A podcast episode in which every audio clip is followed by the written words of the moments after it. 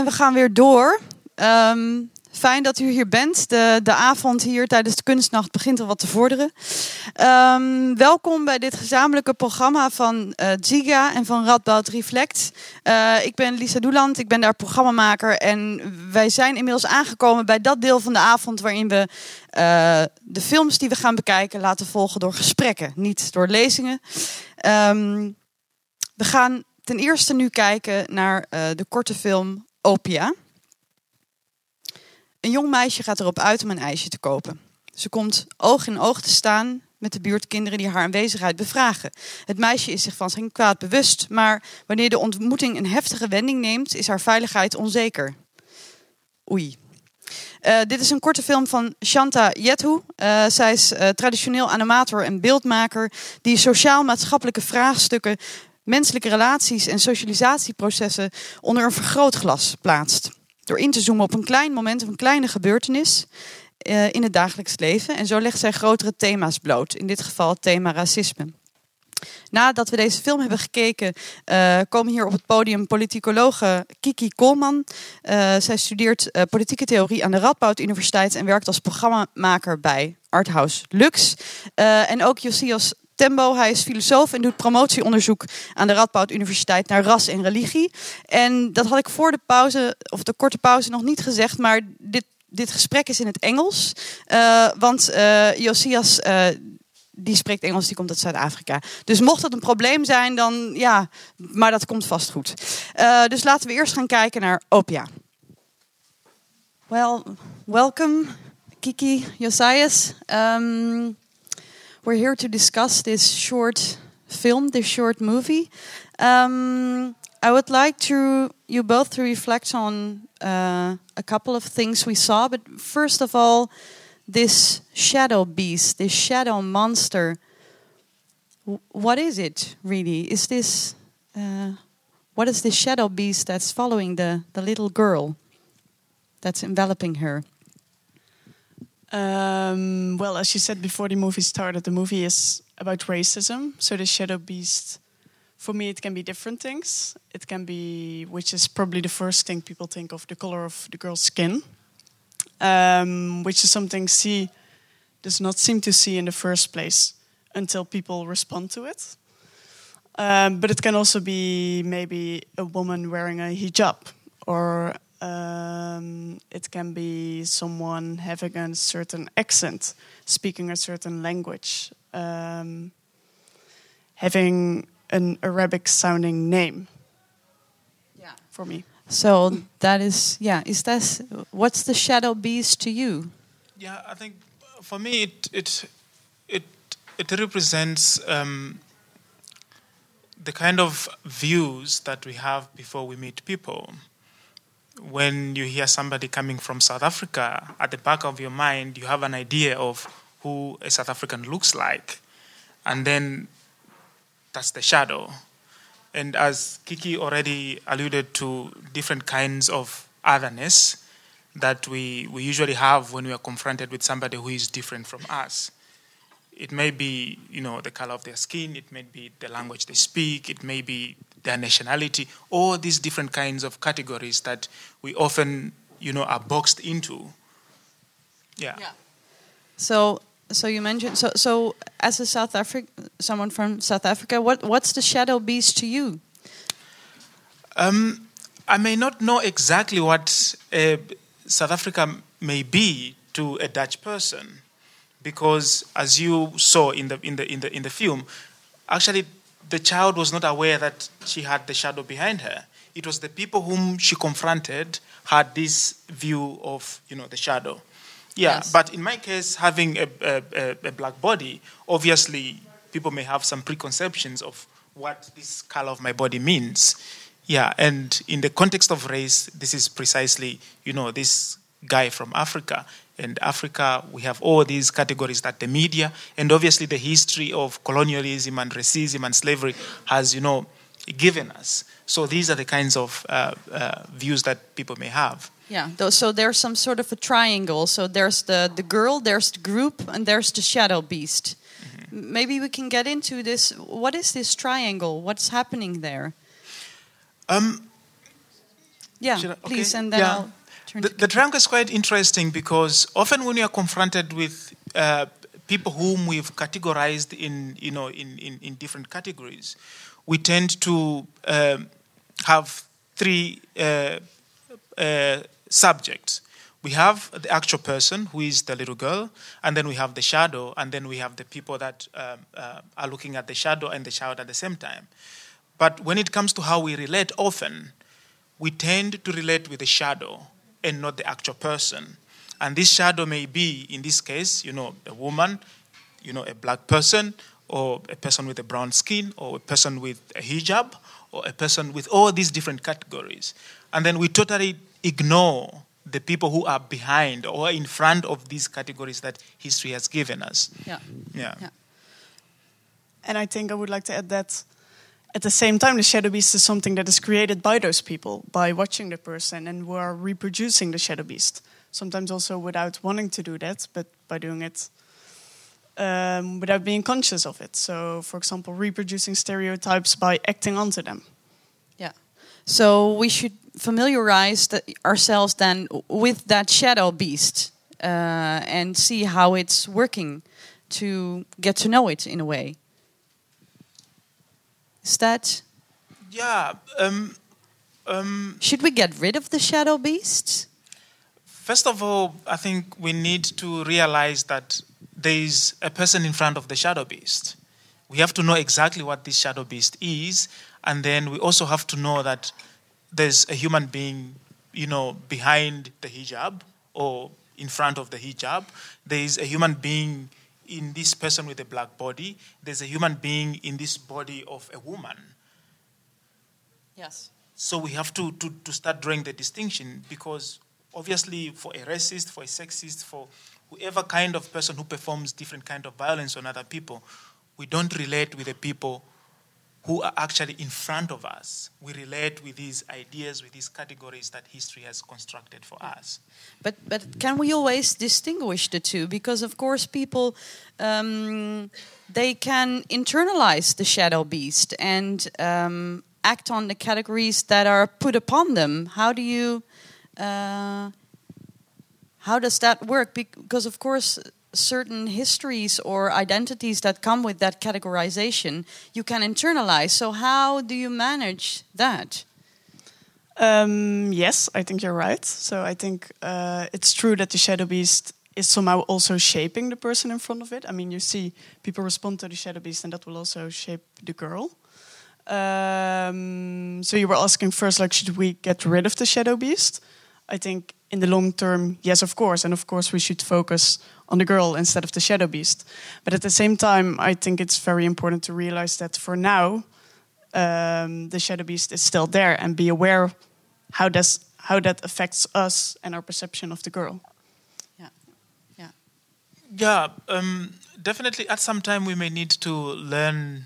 Um, we need to get rid of the shadow beast. But yeah, as Kiki rightly pointed out, we must know that there is a shadow beast because, you know, these things have framed how we look at the world. These categories have framed how we relate with other people, but most importantly, how we understand ourselves as, as well. Because the moment that beast is threatened, the moment we want to get rid of that beast, we also feel threatened because we've come to understand ourselves in relation to the black person, to the woman, to the Muslim, to the Jew. To these are the categories that even our own our identities have been formed around. Yes. Yeah. Yeah, yeah. Um, and of course, there seems to be so. So there's violence in in that. So, no, let's rephrase that. In the end, we see a gun. Uh, so we've talked about what the um, shadow beast signifies. But what does the gun signify? What what gun is that? The the boy who turns into a gun. Um, I know there's some people who saw the movie. You were one of them. Said in the end, like, "Oh, I think it's a bit like, why does it have to be in the end directly about gun violence and killing?" And of course, that's also a part of the racism problem, but luckily not for all people who are being racialized. Um, but I think the gun is also symbolic of uh, the violence that racism can cause to people. Also, it doesn't have to be physical violence in the sense of um, hitting someone or shooting someone, but also small acts of, well, the guy who is selling the ice cream and who looks at the girl like, that's already uh, a form of microaggression, as we call it. Yeah. Yeah, Yeah. but but also on top of these, you know, uh, minimum or small forms of violence that you know we, we perform on other people and we constitute in other people. Um, we all know the history of racism in, in, in the world. Uh, these kind of categories can also, you know, uh, dehumanize. They can kill the people we meet. We can stop looking at people as human beings. We see them other than being human. And history has also told us that there's even a point where, you know, the very human life is threatened, and the gun can be a symbol of that, you know, extreme form of violence where the other has to be eliminated, the shadow has to be killed. But by yeah. killing the shadow, as you saw, those children were trying to push the shadow, but they were actually pushing the child. So when we shoot the when we shoot the shadow, we actually kill other human beings. Yeah. Yeah. Yeah. Um, then of course the question is so how where where does change come from? So how do we um, avoid identifying people with the shadow beast uh, avoid um, killing them for it in a metaphorical way of course too but uh, where does the change come from? What should we do a big question Okay, so first we were already talking about like should the shadow beast be gone, and that sounds maybe a bit abstract, but I think in the end you can translate that to should we um, ignore race? So should we say because race is a social construct? You know, it's it's not like you and me are totally different kind of people, but in the end, race is there now in this moment. So I don't think the solution to racism is to say like I'm colorblind I, I don't see the difference. I act the same to everyone. So I think the first step in fighting racism is acknowledging it and acknowledging that we all have racial preassumptions and biases and how this will affect other people and ourselves as well. Yeah. Yeah, I think it's it's it's it's um, it's very important to understand that these categories are part of our lives. And these categories frame the way we understand ourselves and understand other people. So the first, the first thing is to acknowledge them, to realize that actually we have these, these, uh, these uh, frameworks, we have these categories. We know that when we are with people who look differently from us, who speak differently from us, we look at them in that way. And I think that's the first step. Because the moment we want to go colorblind, the moment we want to, you know, to uh, distance ourselves from these categories, we're actually not solving them. We're actually not trying to understand how, you know. And and don't we need categories in a way? It's there. There's the um, I don't know the the classical example that. Um, I don't know if there's a lion somewhere. Don't start asking what it is, but run. You know, you have to learn that. So if uh, if we're unfamiliar with certain people, whatever, that um, this sounds very wrong, but it, that in a way we do need categories, you know, because you cannot face every. You, you, uh, you need them in a way. How how do we how do we manage that? Yeah, categories make it possible for us to relate with the world and to understand ourselves and to understand um, uh, other people as well. So yeah. definitely categories. I don't think we can do away with categories, but I think what we need to to to, to develop, what we need to learn is to come up with more healthy and less violent categories. Yes. We have to understand that actually some of these categories that we've inherited are inherently violent, yeah. and we can come up with different forms of violence. Which categories do we have to lose right away? Um, before we lose them, first we have to under to yeah. acknowledge them, to yeah. understand them. Yeah. The idea of a woman, the traditional idea of a woman who is supposed to stay home, who is supposed to, you know, do all these things that, you know, the woman does not think the woman is emotional, and also the racial categories. You know, black people are like this. Black people cannot think. White people, they are the ones that think. Actually, even the word white people itself is very suggestive.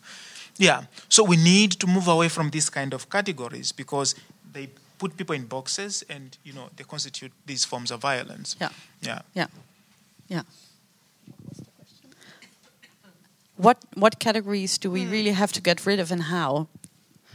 Who, yeah, I think you you made a good start. Uh, some people say the same about sexuality. Why should we frame our preferences? Um, there's an interesting discussion going on about uh, the words higher and lower education. Why would one be higher and one be lower? Well, you have all these categories, and of course, you need categories to to understand the world. I mean, if we wouldn't have categories, we wouldn't understand the difference between the wall and the person sitting in front of it, and that would be very confusing. Um, but we should also be aware that those categories also have power within them. So those categories uh, develop power. Um, our knowledge is power in a certain sense. Yeah. yeah. I'm wondering, are there any questions now? Is there someone who would like to or like to contribute?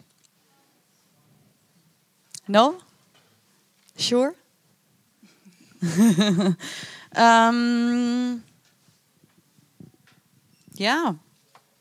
What do you think? Um, maybe, yeah, it's a bit cheesy, but um, have you got some advice for us? So, one bit of advice that we can take home with us uh, and make sure we we're drivers of change. I'm sorry, I shouldn't have used that phrase. That's awful. But yeah.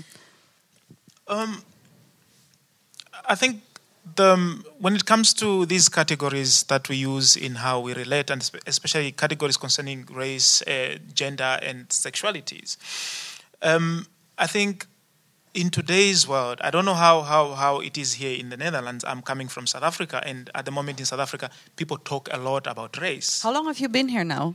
Um, a month and uh, five oh, days. Yeah. yeah. so you're new. yeah. yeah. Yeah, so people talk about it. People acknowledge it. In South Africa, at least, people say, "Okay, we are a racist country," and people from all these different categories acknowledge their position, and then they talk about it. But so far in Europe and in the Netherlands, it's it's not as lively as it is in South Africa. And I think the first step is to talk about it, yeah. to acknowledge it. Yeah. Yeah. Yeah. Maybe we're too ashamed. Are we ashamed of it? That's why we can't talk about it? Yeah, and I feel like also a lot of people get very defensive. So when they're confronted with someone saying, hey, that might be racist what you just did, or it might be based on pre assumptions, they sometimes tend to react like, but I'm not a racist. And I think that's true. I don't think all those people are, I don't know, like white supremacists who want to, to, to, want who want to enforce racism, but um, but they're doing it anyway. Yes, without yeah. without realizing it. Yeah. Yes. So I think I think it's very often kind of this um, like I'm not guilty. I don't want to do this. You also see it in the Black Pete discussion in the Netherlands a lot. Like people scream like, "But I'm not a racist. How do they dare to imply that I'm a racist?" But I think we need to get past that. Like, if all of us say like, "Yes, we live in a racist system and we are racist," in a certain sense, not because we want to, but just because we're programmed like that, and then we can get past it. So it's, yeah, it's about acknowledging. Yeah. Yeah. So. So uh, let's do that. uh, thank you both very much for being here. Um, uh, an applause for uh, Josias Tembo, Kiki Koolman. Yeah. Um, and in uh, a few minutes, um, we'll go watch the next short movie, Forest Paths Forget Heidegger, and discuss it with philosophers Aldo Houterman and Linde van Schuppen.